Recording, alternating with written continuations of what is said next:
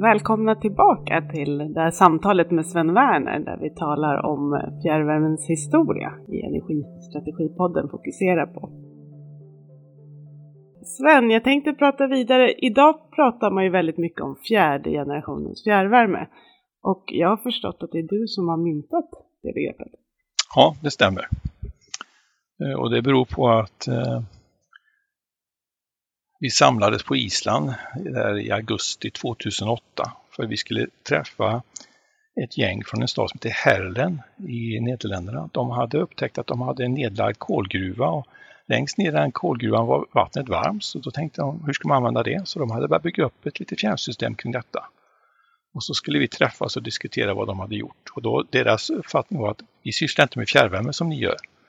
Och då sa jag, det gör ni visst. För ni, vi, vi jobbar med tredje generationen, men ni jobbar med fjärde generationen redan. Och då tittade alla på mig och så sa han, vad är det du pratar om? Eh, och då skulle jag hålla ett föredrag, det var på fredag, och eh, på måndagen skulle jag hålla ett föredrag. Så jag fick lova att lägga med beskrivning av de olika generationerna i mitt föredrag. Så jag fick jobba där under helgen, lördag, söndag, på sätta på hotellrummet och skriva om föredraget.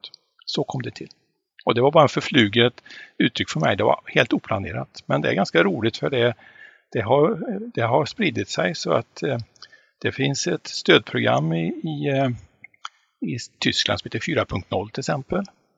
Och det används hela tiden. Sen finns det ett gäng i norra Italien som säger att vi är bättre så vi, vi kallar oss femte generationen. Och de har nog tappat lite bakgrund vad det skulle avslöja, men, eller vad det skulle beskriva. Men det intressanta är att det skapar någon form av polemik som gör att folk börjar få upp ögonen för ny, ny fjärrvärmeteknik. Så på något sätt är det ganska roligt att, att det, det väcker folk. Även om jag tycker att namnet är fel. Så, så saken kanske är, jag kan acceptera det om det får något gott med sig. Och, och då undrar vi då, var, var börjar vi någonstans? Vad är första generationens fjärrvärme? Ja, det börjar på ungefär 1870-talet, 1880-talet, när en person som heter Birdsey Holly i en stad som heter Rockport, han, upptäcker att han har en panna som står och han skulle vilja sälja ånga till eh, sin granne. Så han lägger ner lite rör i marken och ser vad förlusterna är. Och de är inte så stora så han ansluter kunder, eh, sin granne, och, och, värmer upp hans eh, hus också med sin ångpanna. Då. Så bygger han upp ett system i den här staden. Han eh, gör, inför massa uppfinningar också. Han inför kompensatorn till exempel, får han patent på. Och även första mätningarna och ångmätningarna inför han som patent. Så han inför detta. Och sen så är det en finansiär, stor eh, investerare i New York som upptäcker detta. Så han åker dit och tittar och sen bygger han fjärrvärme i New York som börjar 1882. Och det systemet finns fortfarande kvar, går fortfarande. Det är otroligt ineffektivt. Men det är världens bäst betalande marknad på fastigheter så de bryr sig inte om priset. Så, så att det lever fortfarande. Eh, så det är ånga. Ånga användes då alla de här systemen som började runt sekelskiftet 1900 då. Och ända ungefär till 1930. Det sista stora system som använder ånga det är Paris system. Använder fortfarande ång. 20, 20 bars ångtryck har de i Paris. Eh, och det bör de ha någon form av strategi för att komma bort ifrån. De har påbörjat det, men det är ett stort system. Det levererar nästan 5 terawattimmar om året. Täcker ungefär en tredjedel av Paris behov. Så de systemen finns fortfarande kvar. Många av de ångsystemen som funnits tidigare har avvecklats. Det finns avvecklingsplaner. Det finns ett sånt för, det finns fortfarande ånga kvar i Köpenhamn som ska avvecklas om några år. Så det är första. Men det var lite ineffektivt. Höga förluster och dyrt att bygga och stort underhåll. Det var in, inget bra. Därför var det då tyska ingenjörer på början av 20-talet som sa att nej, vi ska, inte, vi ska ha vatten istället. Så började de med det. Det blir andra generationen. Och jag tänker där, det, det är ju jätteintressant för, för eh, jag menar vi har ju mycket ångleveranser i Sverige också. Vad är det för skillnad på den tekniken som du har pratat om nu kontra liksom en traditionell ångleverans till en eh, ja, men, eh, godisfabrik eller lantmännens fodertillverkning eller vad det nu kan vara? Liksom? Det är ingen skillnad alls, det är ånga. Fast trycket kan variera. Alltså det är väldigt högt tryck i, i i Paris. Men det finns så många av olika tryck som används, men det är samma grundteknik. Så i grunden kan vi säga att vi har också första generationens fjärrvärme i, i, i Sverige också då? Vissa industrileveranser, ja. ja. Intressant, du började nämna andra generationen också. Fortsätt gärna. Ja, jo men det är ju att eh, att man upptäckte att det blir lite effektivare och förlusterna inte blir lika höga och eh, man började helt enkelt med detta. Och det var tyska ingenjörer som sa att det här ska vi göra, så började bygga det. Så de, de expanderade ut då, så att de som, de, vissa städer började, hade både ånga och vatten och det var, var vattnet som expanderade och ångan lades ner allt eftersom. Eh, och det, det har, vissa har överlevt i våra dagar också, men det är få system kvar. Man kan läsa den tyska fjärrvärmestatistiken så kan man se hur stor andel det är kvar, men det är några procent. Eh, och eh, på samma sätt var det när, när, när de svenska eh, och finska och danska fjärrvärmetagen skulle expandera fjärrvärmet på, på 60 70-talen så tyckte man att det här med att, att köra med så höga, alltså man körde ju temperaturer långt över 100 grader kontinuerligt. Det finns fortfarande system i Europa som kör 150 grader fram. Eh, I Schweiz och i Frankrike och liknande. Eh, men vi borde kunna ha lite lägre temperatur. Och där tror jag också det spelar in att Sverige hade någon form av tillämpning av lagstiftning att 120 grader var en gräns för olika saker som gör att man vill ligga under 120 grader som mest. Så man pressar sig neråt. Och eh, man lyckades med det då och eh, dessutom så har man då från början eh, kanske och dessutom har värmebehoven sjunkit sedan dess så man har anpassat då så att man inte behöver köra så höga temperaturer. Och det är det som vi pratar om med tredje generationens fjärrvärme då alltså? Precis. Ja. Och det är det som vi har utvecklat idag. Alltså väldigt mycket av det som är kompakta fjärrvärmecentraler med plattvärmeväxlar och prefabricerade fjärrledningar, det kommer i samband med när man införde då expanderad fjärrvärme i de nordiska länderna. Det är det som jag, även om inte plastmantelledning uppfanns av ett schweiziskt företag så var det eh, alltså skandinaviska företag som, som övertog eh, ledarskapet på det, utvecklade. Jag tänkte vi skulle prata mer om fjärde generationen i, i nästa avsnitt då, så vi får, det får bli en cliffhanger. Det jag tänkte fråga om nu, det är kunderna. Som, hur såg man på kunderna tidigt? Ja, fjärrvärme är ju främst en, en, ett eh, avsett för flerbostadshus och stora lokaler och, och mindre för eh, villor och småhus och så. Så att eh, det har ju inte varit en konsumentprodukt utan det är det som vi idag kallar för business to business. Det vill säga att det är professionella kunder.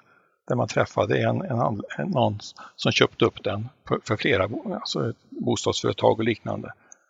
Så att det var inte som så att eh, det berörde slutanvändarna. För det, tradition så har ju man då levererat en punkt i varje byggnad i Sverige. Det finns andra leveransnät också. I Europa är det väldigt vanligt att man levererar till lägenheter. För det är där som eh, naturgaspannorna finns idag. De finns inne i lägenheterna. Så skulle du leva fjärrvärme måste du slå ut en panna i varje lägenhet. Medan i, i Ryssland och Kina så levererar man till ett helt kvarter. Då är det ett kvarter som får till en leveranspunkt. Så att eh, gränssnittet är olika i olika världsdelar. Ser du någon för och nackdel med olika alternativ? Alltså den stora nackdelen för oss som lever till byggnader det är att vi har varmvattencirkulation och eh, ska vi klara Vilgonellan så måste vi cirkulera hela tiden och då måste vi ligga på en hög temperaturnivå. Det är ett hinder att, att sänka temperaturerna i våra befintliga system idag. Eh, och där tycker jag skulle vara mycket intressantare att, intressant att leverera till ett gränssnitt som är mer intressant i Europa då, att leverera till lägenheter istället. Eh, men det finns ett mentalt motstånd i Sverige mot att göra det. Det är bara att inse det. Jag tänker också att det är svårt när man har byggt upp ett system som bygger på, på förbränningsteknik och man har grävt ner mycket ledningar som är anpassade för dagens system. Är det inte svårt då bara byta, även om man ser att det finns andra lösningar? Ja, det största bytet är i huset. Alltså ledningar kan du använda och återanvända, det är inget problem.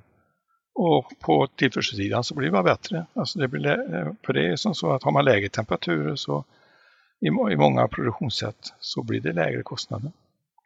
Så att eh, det, det, det, är det som är egentligen eh, drivkraften för nästa generation då, att, att man kan göra det smartare. Och där kommer ju kunderna mer in också. Då, då måste vi få dem att bygga om sina anläggningar, eller hur tänker du? Ja, det är faktiskt som så att de st största problemen är inte hur vi har byggt utan hur vi har underhållit systemen. För det, det som är man räknar på liksom från en nivå att vi ligger på idag, i temperaturnivå, ligger i dagens system till som vi skulle vilja ha i framtiden. Så halva den förändringen den kan åstadkomma att rätta de fel som finns idag. I och med att vi inte har brytt oss om att hitta eh, en låg temperaturnivå och inte behövt oss att anstränga oss att göra det. Så har vi inte brytt oss om heller att laga de fel som uppstår. Så att vi egentligen i en hög temperaturnivå gömmer väldigt mycket fel. Så att, eh, och vi har gjort undersökningar. Jag var med själv på, i, eh, i Borås när jag arbetade där. Att vi sänkte temperaturnivån med ungefär 20 grader, 15-20 grader genom att bara leta fel. Och det var inte kostsamt, det var bara att, att byta ut det som var trasigt. Det är inte så att man ska slita ut och bygga helt nya fjärrvärmecentraler utan det var, gick väldigt smärtfritt. Vi fick en bra avkastning på de pengar vi la med. Men om man, för på fastighetssidan nu då, nu, finns, nu ser vi ju, det kommer ju en hel del men, eh, moderna bolag som vill eh, kapa effekttoppar av olika sätt. Antingen jobba med varmvattenprioritering eller ja, men med smart fastighetsstyrning att kapa ner effekttoppar som gör då att eh, i och med att om det är ett resultat av att man har mer tillgänglig data eller om det är ett resultat av att fjärrvärmebolagen börjar prissätta effekt i större utsträckning. Det, det, det, har du säkert svaret på, men hur känner du inför det där? För att jag tänker att ju fler som håller ner sina effekter, desto fler kunder kan energibolagen addera på befintliga anläggningar. Ja, det är en, en av myterna med fjärrvärme att effekt är farligt. Eh, för att eh, det som skapar effektbehov hos kund, det är främst varmvattenberedningen. Men vi, gör, vi tappar aldrig varmvatten samtidigt.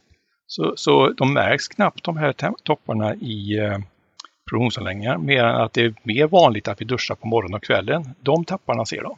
Men det kan man balansera med ett, ett, ett korttidslager så att det är inget problem ut, i tillförselsynpunkt att, att det varierar hos kunderna.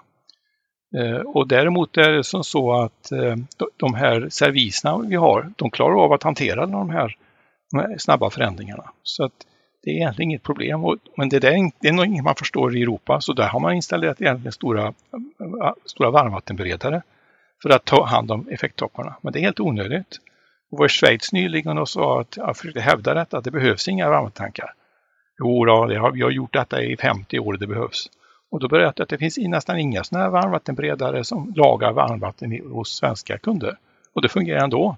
Det trodde de inte på. Så att det, det är väldigt mycket mentala spärrar. Det går saker att göra väldigt mycket. Alltså det, det mest extrema jag har hört i detta fallet det är att i, i Berlin så gör man eh, varmvatten med el med direktväxling utan ett lager. Så man har, man har installerat 30 kilowatt för en, en, en villa till exempel och gör varmvatten direkt. Och det tar elbolaget hand om den sammanlagringen. Så vågar de göra ett elnät, då borde vi göra, våga göra det fjärrvärmenät som är mycket smällare. Så att det finns många sådana här mentala hinder. Vi har alltid gjort så här för någon har sagt att så här är det. Och, och så blir det en myt till slut. Och ingen har gått till botten varför det är så. Så vi accepterar myten istället för att spräcka den. Ja, intressant. Och där, nu, där har jag ju sett liksom, eller hört att det blir mer och mer förekommande att folk funderar på att sätta in en elpanna tillsammans med fjärrvärme för att på sommarhalvåret när det bara är någon liten tapp eh, varmvattenbehov då, då, då, kan man i princip stänga av fjärrvärmen och, och göra varmvatten med den där elpannan. Eh, har jag hört talas om. Eh, jag tycker det är en jättedålig lösning men, men jag, jag tycker det är en mer frekvent förekommande eh, lösning. Mm. Men jag tycker alltså man måste fundera egentligen, alltså jag vill kanske utmana dig lite där och säga att om du har en stor eh, eh, lokalfastighet där varmvattenbehovet ligger på 1 och det är utsträckt. Varför ska vi hålla igång ett VVC-system i ett sådant hus? Alltså VVC-förlusterna måste vara mycket större ja, men det är helt, ja, precis. Ja, men där är jag helt enig med dig. Så jag menar, I vissa fall måste man liksom säga att det ska inte alltid vara en viss sak. Mm. Man måste liksom se vad som är rimligt.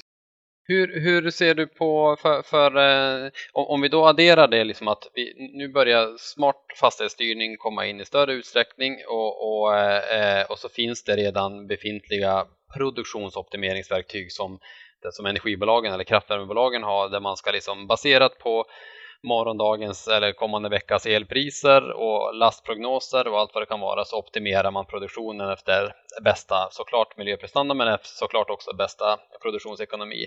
Kan man para ihop dem där tillsammans och göra nytta eller tycker du att det finns en så stor termisk lagring i fjärrvärmesystem att, att det spelar liksom ingen roll att para ihop det här på grund av det du sa nyss där, liksom att det här med att jaga effekter och liksom eh, det, det, finns ingen, ingen reell uppsida i det. Nej, det är ungefär som att jaga spöken. Ja. Men, men alltså det, det, är ju... Jag tror att vi behöver lagring i framtiden, men det kommer att vara större säsongslager. Och de säsongslager har många funktioner. Vi kan ta emot eh, värme från elpannor när elpriset är negativt till exempel. Vi, vi kan eh, ersätta topplastpannor med stora värmelager som tar hela kapaciteten där. Eh, och vi kan eh, lagra sol från sommar till vinter så att det är multifunktionslager. Och de här lagren är ganska billiga. Alltså ett, per, per, kubikmeter, alltså per lagringskapacitet, så är ett sånt här säsongslager kostar bara en fjärdedel av vad vara de lager vi använder för korttidslager. Uh, och det är de senast installerade lagren som finns i Danmark. Och nu skisserar många på att ha lager på ungefär upp till en miljon kubikmeter. Både i Finland och i Sverige. Så att jag tror att det här är någonting som, och jag tror att det där är en typ av investering som, som, som är mer långtidssäker så att säga. Att det kommer alltid finnas behov av den. Och idag kan vi till exempel kanske ladda upp den på sommaren med hjälp av värme från avfallsförbränning. Så att det finns alltid ett nytta i både i de gamla systemen och de nya systemen. Ehm, men, men folk vill bara liksom att det ska vara till en sak i taget. Men ser man samlade nyttan av ett sådant stort lager så tror jag att den eh, långsiktigt är hållbar. Vi har ju, vi har ju olika förutsättningar lokalt, eh, det har vi konstaterat tidigare. Och vi har, eh, om vi tar nu en, en, en eh, kommun där det finns ett stor stålindustri säger vi och så blir det väldigt mycket spillvärme därifrån i höga temperaturer dessutom och så pass mycket att man till och med liksom kyler bort saker och ting eller energi i kyltorn för man, liksom, man kan inte trycka ner det helt och hållet i fjärrvärmenätet. Vad, eh, finns det ändå i de lägena finns det ändå skäl att försöka jaga framledningstemperaturer att man borde, ja men vi ska ändå försöka sänka det för att inte spilla så mycket värme. Men kontentan tänker jag att är inte det att man spiller ut det i kyltorn eller att man är ute i en älv eller hav eller något liknande? Vad, Nej, jag tror att det är ganska bra att, att se att man har både lågtemperaturkällor och, och högtemperaturkällor. Mm. Och man får läsa matcha dem. Och, och eh, det är klart att finns det en god tillgång på, på spillvärme av en viss kvalitet så ska vi använda detta. Men frågan är nu att nästan alla tillverkningsprocesser ska göras om under de närmaste decennierna. Och hur, man, hur ska, ska, man satsa allt då på en utgående tillverkningsprocess? Eller ska man försöka bevaka alla nya tillverkningsprocesser som kan ge spillvärme? För det är som så att vi skaffar mängder med nya processer som, som, eh, som eh, inte har funnits förut till exempel att göra stål med, med, el till exempel. Det finns värmeförluster i en sån process också. Vätgas ska produceras och det ger upphov till värmeförluster och den vätgasen kanske ibland ska användas för att ta hand om topplast. Ja, då blir det också värmeförluster. Så, så att vi får helt enkelt lära oss att se var de nya värmeförlusterna finns. Eh, idag så planeras det byggas en stor anläggning för gödseltillverkning i Esbjerg. Den ska gå på på väldigt mycket av överskottsel ifrån Nordsjön som kommer in till Esbjerg. Och sedan så ska man göra gödsel och sen får man spillvärme utifrån det som går in i Esbjergs kärnsystem. Det är ett exempel på en ny tillverkningsprocess som inte har funnits tidigare men som, som nu passar in i det mönster vi har sedan tidigare. Så man kan inte ge upp och säga bara att de gamla värmekällorna försvinner. För kraftvärme är ju på ut, utgång i Europa. Alltså vi har ju, detta har varit ryggraden i all fjärrvärme i Europa har varit kraftvärme från fossila bränslen. Och så ska det ut. Och, och det finns massa nya möjligheter. Det är alltså det som vi kallar för värmegruvor. Det finns värmegruvor överallt. Ja, till exempel geotermi, mer tydligt då. Ja, det, det, finns ju hur mycket som helst att prata om här känner jag och eh, tiden drar iväg så frågan är om inte vi ska nöja oss för del två där. Eh, känner du eh, dig klar med det Katja? Mm, ja. Ja, vad bra. Nej. Du är nöjd. Ja, vad fint. Ja, men då säger vi tack och hej för den här gången och så sen eh, så hörs vi om ett litet tag igen. Podden produceras av Sigholm, er partner för förändringsprojekt och digitalisering inom energibranschen. Besök oss på våra sociala mediekanaler för att diskutera avsnittet vidare. Länk finns i beskrivningen.